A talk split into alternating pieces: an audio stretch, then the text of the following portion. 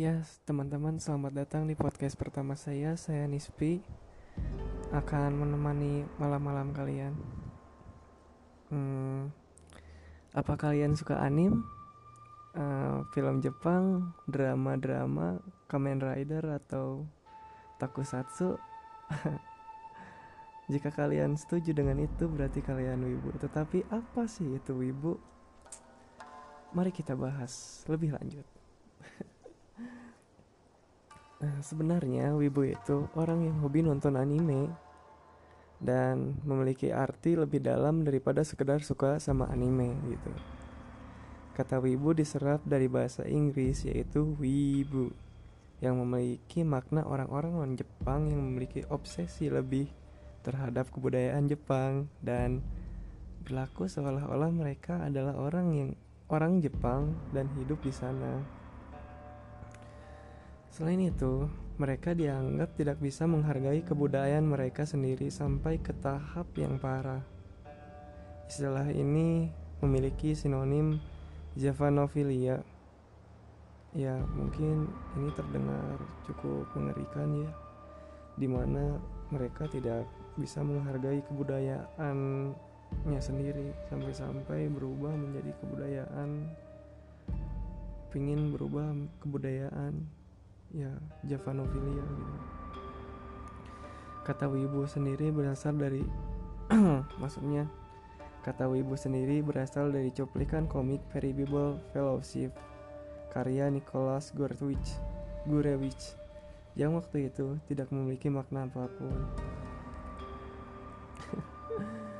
Pada pertengahan tahun 2000-an berawal dari forum 4chan Kata ini menggantikan istilah Wavenis atau wannabe Japanese. Atau aku ingin menjadi penduduk Jepang sebagai eja, ejekan sebagai ejekan kepada orang-orang yang mania kepada segala hal yang berbau Jepang. Berbau berbau Jepang. Jadi wibu bukan merupakan kepanjangan dari apa pun melainkan bahasa serapan asing. Nah ciri-ciri seorang wibu ya yang pertama ya amat gemar memberitahu kegemarannya atas kebudayaan Jepang. Ia tidak akan merasa malu akan hal tersebut. Jadi pede gitu dengan kegemarannya. Tapi bagus sih. Cukup lumayan. Tidak hanya sekedar menyukai kebudayaan Jepang mereka pun tidak segan untuk berpakaian seperti orang Jepang dan menggunakan kosakata Jepang untuk berbicara dengan orang lain. Oh iya pakaian Jepang itu banyak loh aslinya. Uh, dari hakama yukata uh, kimono haori dan lain-lain. Untuk penjelasannya nanti aja ya. Cari aja di internet gitu. Kamu pasti sering kan? Ya mungkin teman-teman pasti sering kan ketemu sama orang orang yang sering menggunakan kata seperti ohayo arigato konnichiwa. Eto daizobu. Hingga gomenasai. Nah mungkin untuk Ohio itu selamat pagi. Arigato itu ya mungkin terima kasih. Konnichiwa itu selamat siang. Eto mungkin kayak hmm atau nah eto itu artinya itu atau ya ingat atau. Daijobu baik-baik saja hingga gomenasai dan gomenasai itu mohon maaf atau ya betul-betul maaf maaf mohon maaf. Nah selain itu karena sering kali dianggap aneh orang oleh orang lain tapi kalau kata saya itu kan bukan aneh sih tapi cuman unik gitu jadi seorang wibu cenderung menutup diri dari lingkungan luar dan memilih ruangan yang nyaman. Ya, ruangan yang nyaman itu bisa dibilang itu ruangan yang sepi gitu. Tanpa ada keramaian. Misalkan kamar kalian. Pasti rebahan juga kenikmatannya hakiki gitu. Nah, kalau wibu orang wibu keluar juga paling hanya mengikuti acara-acara festival Jepang gitu di Jepangan. Kayak yang di UPI itu. Namanya itu Japanzuki dan di kalau di UIN Universitas Islam Negeri Sunan Gunung Jati Bandung itu waktu itu tuh saya tuh lihat itu UIN Nomatsuri yaitu festival UIN. Ya itu artinya dan mereka juga pasti akan berpartisipasi menjadi cosplayer dan bisa dibilang cosplayer itu yang menirukan ya meniru menirukan seseorang gitu kayak gitu dan tentu saja seorang wibu juga gemar mengoleksi merchandise yang berbau Jepang kayak gantungan kunci, stiker, sampai apa ya action figure. Nah nanti kita perjelas tentang itu. Terutama dari serial anime atau manga yang ia tonton tonton. Manga manga manga manga. Manga itu komik. Ciri-ciri lain adalah kesukaan terdengar lah uh, maaf maaf maaf. Dan ciri-ciri lainnya itu adalah suka mendengarkan lagu Jepang atau menonton film dan drama Jepang tunggu ya bentar. Perbedaan antara wibu dan otaku. Nah ini nih perbedaannya. Ingat harus bisa membedakan wibu dan otaku. Istilah wibu dan otaku sering kali tercampur gitu. Jadi lu itu wibu ya? Atau lu itu otaku gitu. Terus yang mana sih yang sama? Eh yang berbeda gitu dari antara wibu dan otaku gitu. Nah otaku adalah istilah dalam bahasa Jepang bagi orang yang menekuni suatu hal secara mendalam. Kayak gitu. Misalkan kamu itu punya hobi uh, belajar bahasa gitu. Maka uh, ilmu bahasa kalian itu diperdalam. Sepertinya kayak gitu sih. Nah kalau otaku itu mulai muncul pada pertengahan 90-an dan pengertian otakku sendiri bisa bermakna positif maupun negatif tergantung penempatan istilah tergantung penempatan istilahnya gitu. Maknanya menjadi eh makna makna positifnya jika ditunjukkan kepada orang-orang yang menekuni suatu bidang hingga menjadi seorang pakar. Nah itu positifnya Sedangkan negatifnya ditunjukkan kepada orang-orang yang terlalu fanatik kepada suatu hal seperti anime, manga, dan game hingga ia kurang mampu untuk berkomunikasi dengan orang lain. Nah, ini yang paling parah. Terlalu fanatik. Dan itulah yang mendasari perbedaan antara wibu dan otaku. Jika otaku hanya fanatik kepada suatu topik tertentu dan seorang wibu itu sangat menggila yang berbau Jepang. Dan mengapa wibu terobsesi, dengan waifu? Nah, waifu. Wibu sering kali tidak bisa dipisahkan dengan istilah waifu Bahkan sering kali topik tentang waifu menjadi pemicu perdebatan Kurang penting di antara sesama penggemar anime Ya, ih, aduh bilah waktu itu juga saya juga pernah mempunyai teman kayak gitu semoga aja semoga aja sekarang udah tobat gitu Nah, waifu adalah istilah yang sering digunakan oleh para lelaki penggemar perempuan dua dimensi. Ya, anim, anim dua dimensi yang menyebut karakter anime perempuan favoritnya dan secara sepihak menganggap karakter tersebut sebagai pasangannya. Maaf ya suaranya agak seperti ini kurang ini saya kurang sehat. Jadi mohon dimaafkan. Dan istilah ini dipelesetkan dari bahasa Inggris yaitu wife yang memiliki arti istri.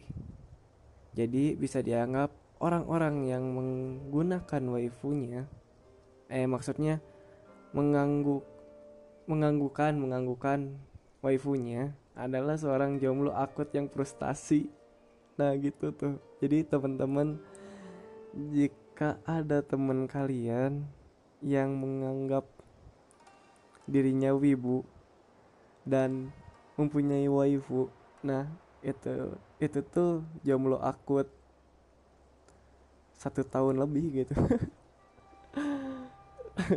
Atau pelampiasan dari patah hati gitu banyak yang menganggap istilah pertama kali ini muncul pada anime yang berjudul Azumanga.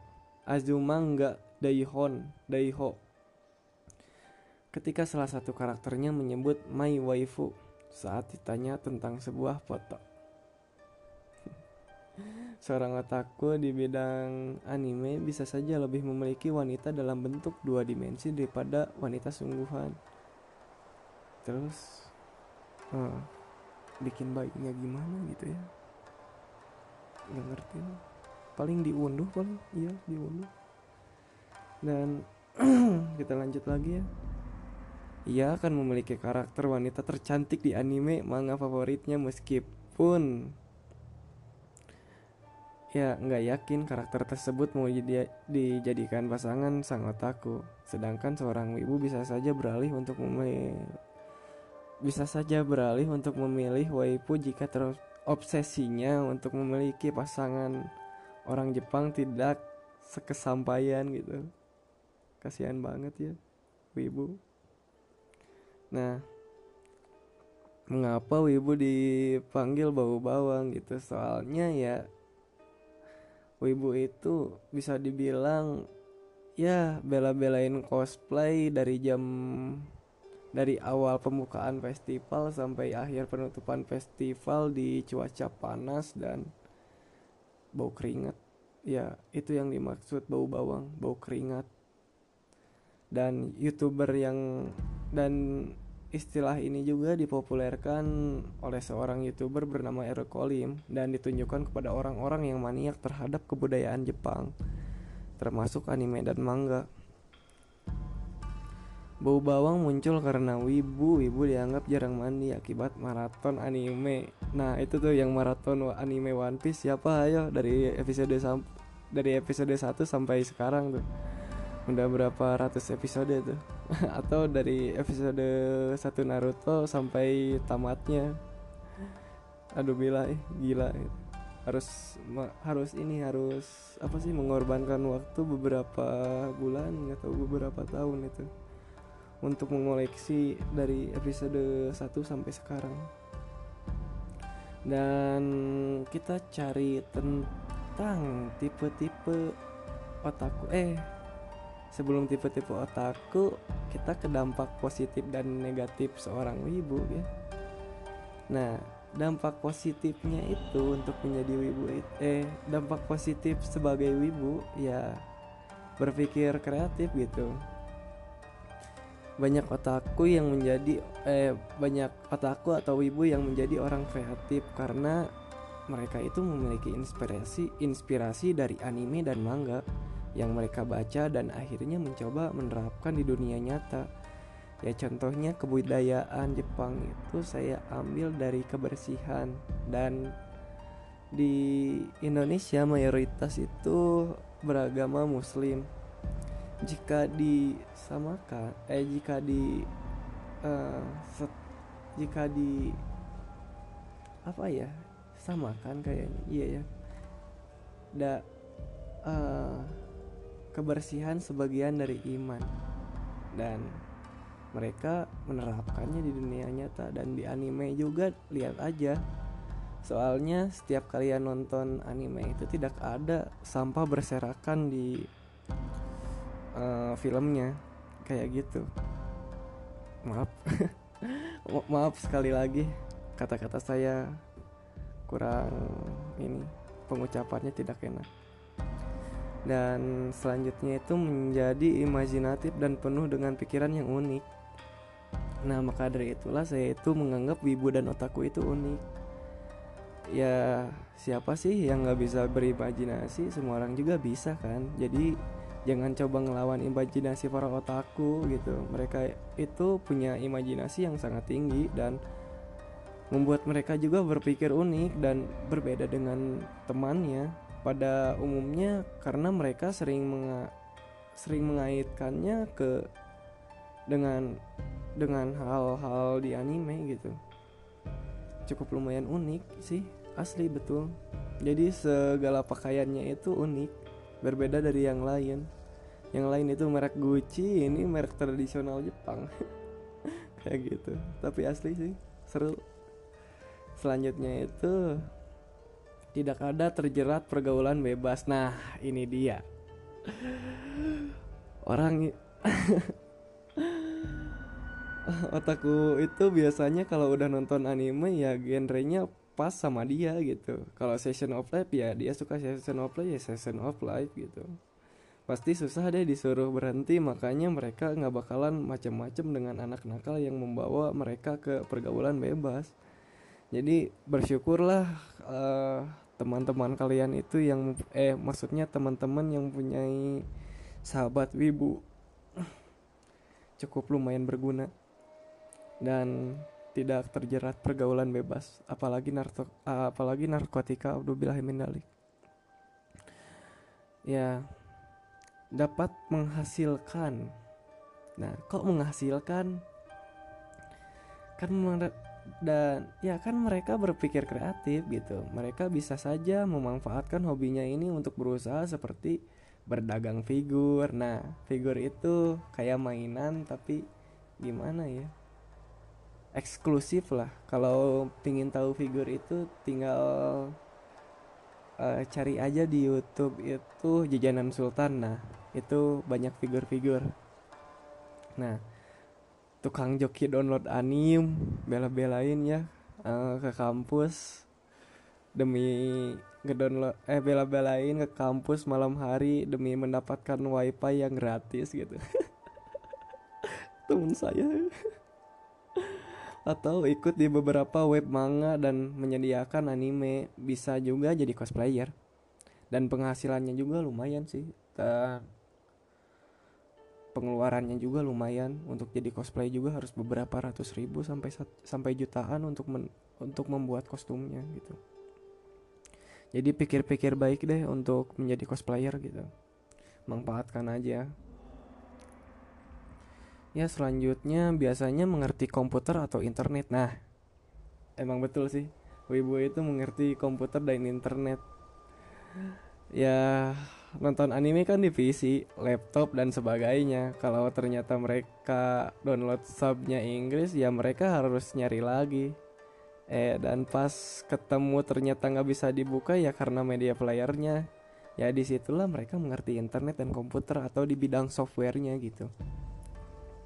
Nggak tahu kalau hardwarenya itu. Oh iya hardwarenya juga bisa sih, karena uh, Wibu dan Otaku itu pencinta anim manga dan satu lagi itu game. Game yang berbau anime atau role playing role playing games atau MMORPG atau open world gitu. Open world. Ceri dan selanjutnya itu ceria dan gampang naikin mood. Nah humoris lah disebutnya itu nah sebenarnya yang otaku itu menyenangkan dan ceria. Kalau mereka udah nonton anime perasaan mereka itu bakalan seneng dan bakalan naikin moodnya. Jadi nggak usah pakai jalan-jalan segala gitu. Jadi hemat otaku dan wibu itu hemat cuman diam di apa ya di kom diam di depan komputer terus nyalain VLC eh terus buka VLC nonton anime dan ya mudah menaikkan mood gitu. Cuma nonton anime doang. Dan selanjutnya itu menyesuaikan diri jika ada teman sesama otaku. Nah ini dia. Jadi kalau otaku sama otaku atau wibu sama wibu sudah dikumpulkan ngobrolnya itu lebih dari dua jam sampai lima jam gitu ngebahas tentang anime-anime tersebut. Gitu. Asli pernah. Asli pernah saya pernah asli bener.